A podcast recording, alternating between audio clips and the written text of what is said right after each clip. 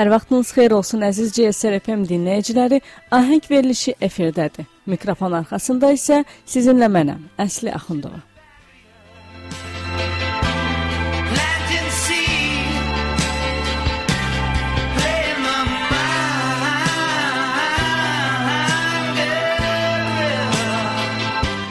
Hər həftə olduğu kimi bu həftə də efirimizdə bir musiqiçinin həyat və yaradıcılığından danışacağıq. Bu dəfə haqqında danışacağımız şəxs isə John Lennondur.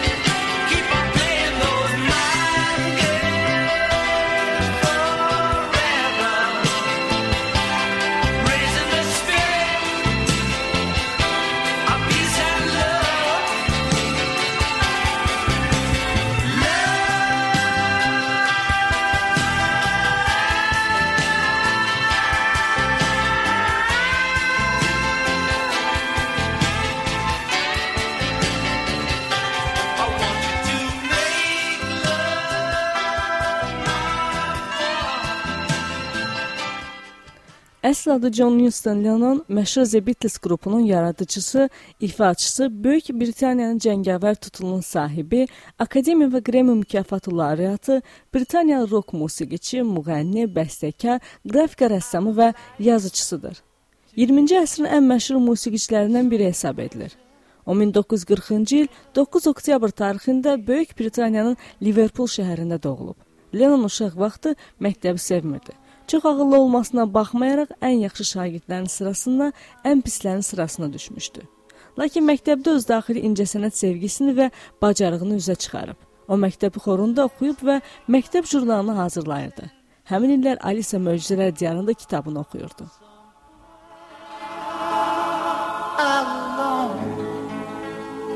It's been too long since we took the time. No one's to blame. My no time flies so quickly.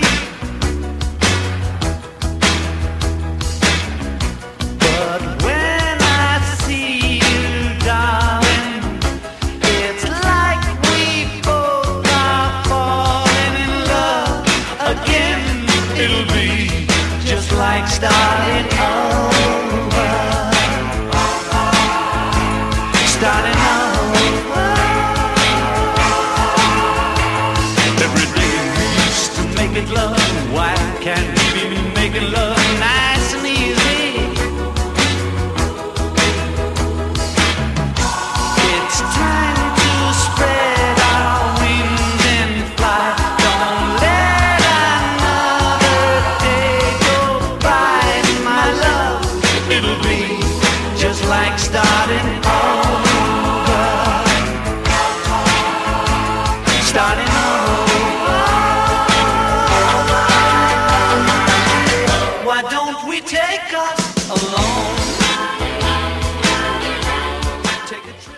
1950-ci illərin ortaları Bill Haley-ın Rock Around the Clock mahnısı işıq üzü gördükdən sonra Liverpoolda rock and roll populyarlıq qazanmağa başladı. Ronnie Denaganın Rock Island Line mahnısı isə Skyfall janrına həyat verdi. Bu janr tez bir zamanda İngiltərə gəncləri arasında məşhurluq qazandı. Çünki onu ifa etmək üçün musiqini bil mükəmməl bilməyə ehtiyac yox idi. Buna görə də 50-ci illərdə İngiltərədə çox gənc Skyfall qrupları yaranmışdı. Rock and roll isə əsl populyarlığı ABŞ-da Elvis Presley-in peyda olması ilə qazandı. Again, it'll be just like starting over.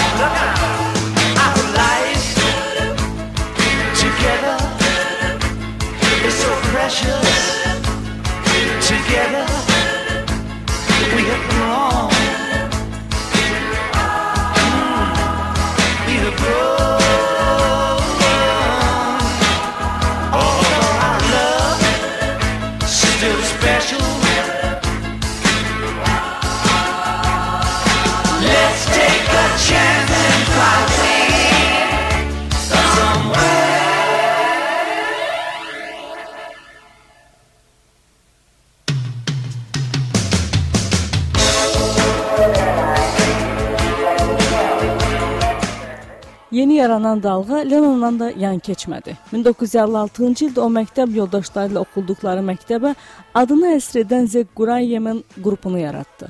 Lennon özü gitarada ifa edirdi. Ondan başqa qrupda daha 5 dostu var idi. 1957-ci il 6 iyulda Lennon Paul McCartney ilə tanış olur və onu Gurayeman qrupuna dəvət edir. Paul McCartney isə özü ilə birgə dostu George Harrisonu da qrupa gətirir. Daha sonra Lennon Liverpool İncəsənət Kollecinə daxil olur. Orada da Stuart Sutcliffe-lə tanış olaraq onu da qrupa dəvət edir. 1959-cu ildə qrupun adı dəyişilərək ilk öncə Silver Beatles, ondan sonra isə The Beatles olur. Well, they give me all kinds of warnings to save me from ruin.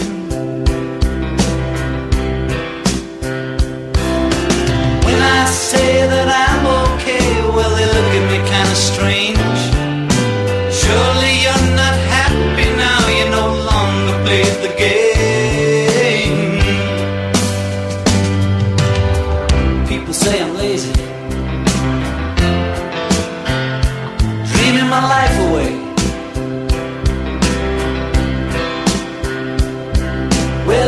All kinds of advice designed to enlighten me. When I tell them that I'm doing fine, watching shadows on the wall. Don't you miss the big time, boy? You're no longer on the ball.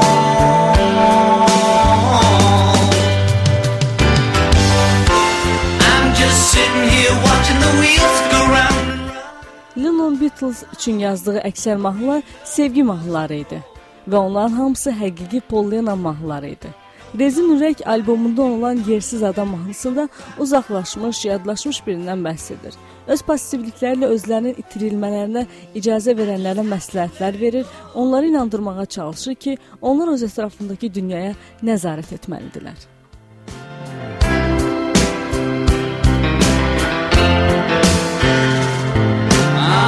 people asking questions, lost in confusion. Tell them there's no problem. Only solutions. Well, they shake their heads and they look at me as if I've lost my mind.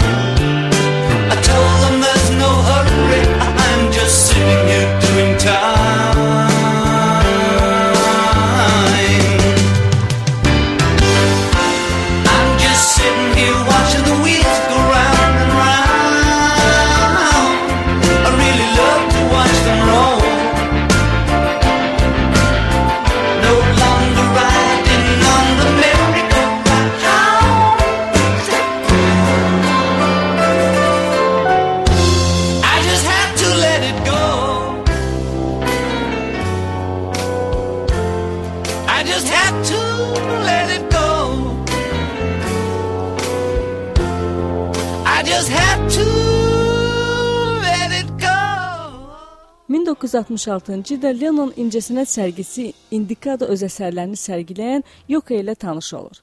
Artıq Yoko onun e, artıq Yoko onun təsiri onun musiqisində və hərəkətlərində hiss olunurdu. Yoko ona intellektual, siyasi və estetik baxımdan müsbət təsir göstərib və onun yaradıcı gələcəyinin çiçəklənməsində ona çox kömək edib. Yoko ilə qarşılaşdıqdan sonra onun mahnıları anasını itirmiş körpə uşaq kimi Beatles tərəfindən yaralanmış dahi kimi ona ağrılı hisslər verən daxili dünyasından və dözməli olduğu xarici dünyadan ibarət olmağa başladı.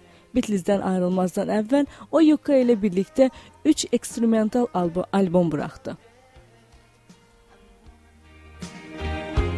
I will try to express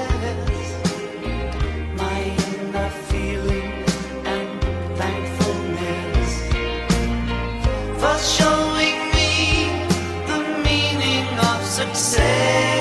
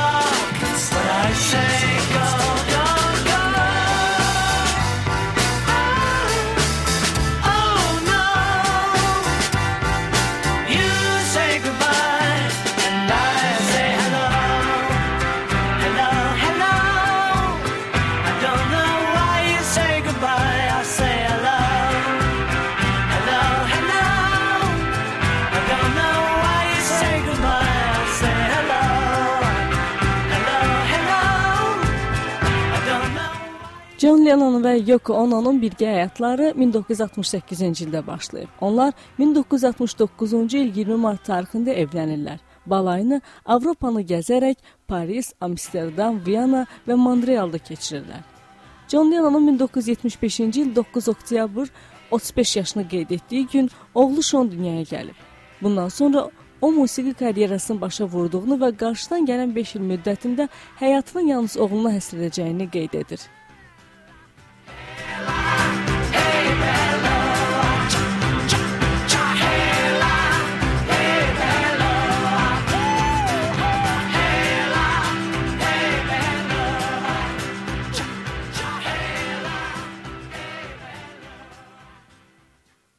Try to see it my way.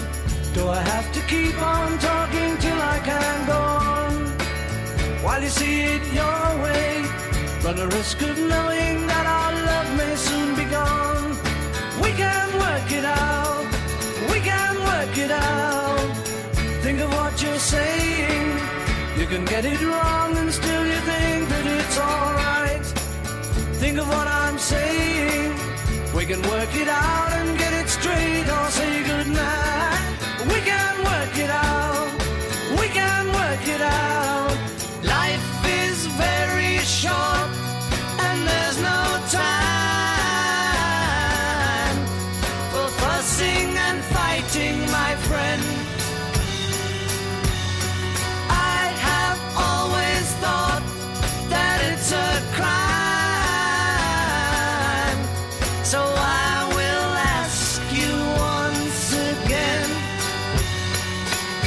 It my way. Only time will tell if I am right or I am wrong. While you see it your way, there's a chance that we might fall apart before too long. We can work it out. We can work it out.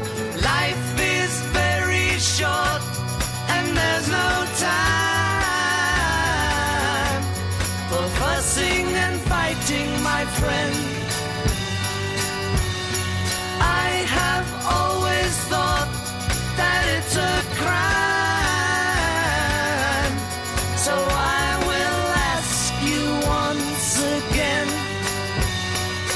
Try to see it my way. Only time will tell if I am right or I am wrong. While you see it your way, there's a chance that we might fall apart before too long. We can work it out. We can work it out.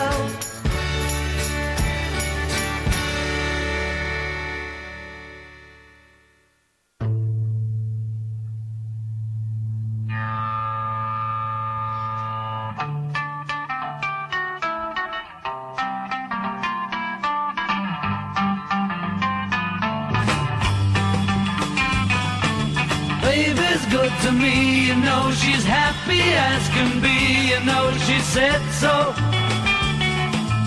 I'm in love with her and I feel fine. Musiqiçi olmaqla yanaşı Lennon həm də siyasi fəal idi. Siyasi fikirlərini həm mahnılarında, həm də açıq şəkildə ifadə edirdi. Məşhur Imagine mahnısında Lennon dünyanı necə görmək istədiyini açıq şəkildə bildirir. Lennon bərabərlik və yer üzündə yaşayan bütün insanların qardaşlığı, sülh və azadlıq kimi ideyaları təbliğ edirdi. Bu kimi təbliğatları sayəsində keçən əsrin 60-70-ci illərində hippi fəlsəfə hərəkatının simvoluna və ən tanınmış üzvlərindən birinə çevrilib. You know she said so.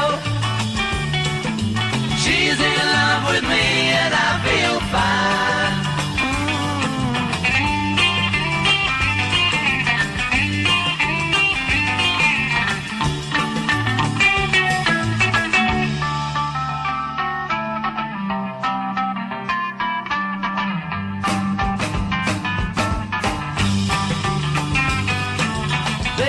Says she's mine, you know she tells me all the time, you know she said so.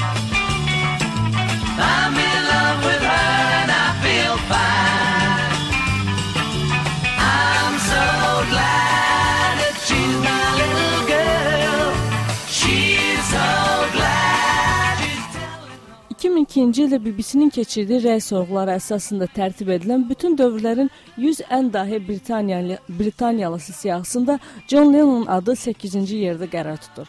Rolling Stone jurnalı isə Ölməzlər bütün dövrlərin 50 ən dahi sənətkarı siyahısında John Lennon'un 38-ci, yaratdığı Beatles qrupunu isə birinci yerə layiq görür.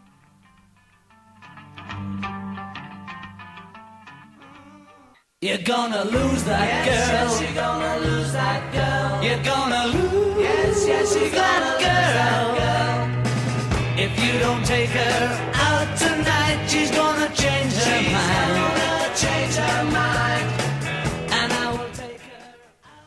1940-cı ildə Liverpoolda anadan olan John Lennon özünün ilk Quarrymen qrupunu 1957-ci ildə yaratmışdı. Bundan biri sonra Paul McCartney və George Harrison ona qoşulub və bu qrupun əsasında Beatles qrupu yaradılıb. 1970-ci ildə dağılan Beatles qrupunun dünya üzrə 1 milyarddan artıq diski satılıb.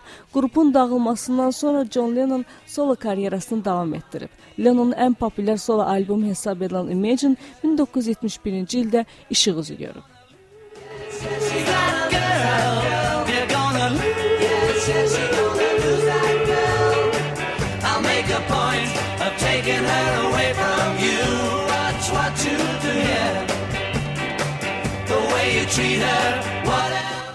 Lennonun son albomu isə 1980-ci ildə işıq üzü görüb, Double Fantasy adlı albom musiqi tənqidçiləri tərəfindən çox bəyənilmişdi.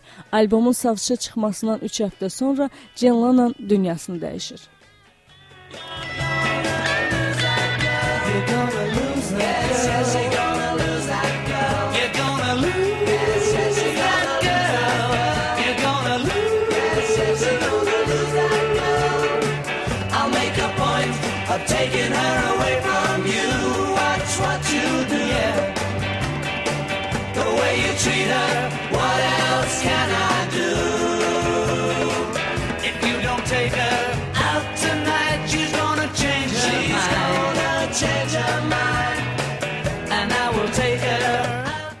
1980-ci il 8 dekabr musiqisini bütün dünyada sülhə həsr edən sənətkar New York şəhərində 70-ci, 72-ci Avenue və Central Park prospektlərinin kəsişməsində öz fanatı Mark Chapman tərəfindən qətlə yetirilib. Chapman ona arxadan 5 dəfə atəş açmışdı. Tutularkən Selingerin çovdarlıqda uçurumdan qoruyan əsərinin 27-ci fəslində Lennonu öldürmək haqqında gizli mesajlar olduğunu iddia, iddia edirdi. İllər keçdikdən sonra isə o məşhur mən tanınmış adam olmaq istəyən heç kim idim etirafını etdi. Onun qətli motivləri indiyədək mübahisəli qalır. Girl. You say he loves you more than me, so I will set you free. Go with him.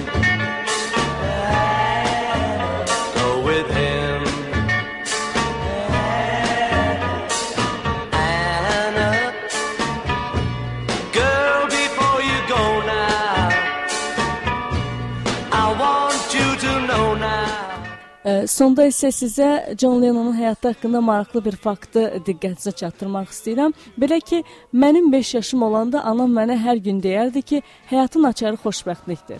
Mən məktəbə gedəndə məndən soruşdular ki, böyüyəndə kim olmaq istəyirsən? Mən yazdım ki, xoşbəxt.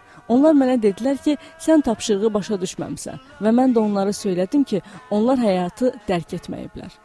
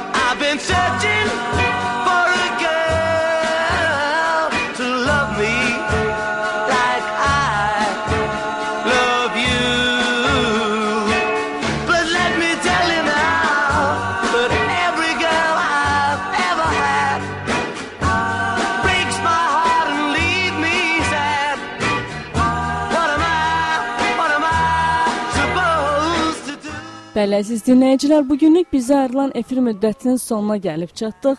Bugünkü efirimizdə məşhur The Beatles qrupunun yaradıcısı və ifaçısı, Akademiya və Grammy mükafat laureatı Britaniyalı rock musiqiçi John Lennon haqqında danışdıq. Mikrofon arxasında isə sizinlə mən idim. Əsla Axundova. Növbəti efirlərdə eşidilmək ümidi ilə xudahafiz. You can go with him, girl.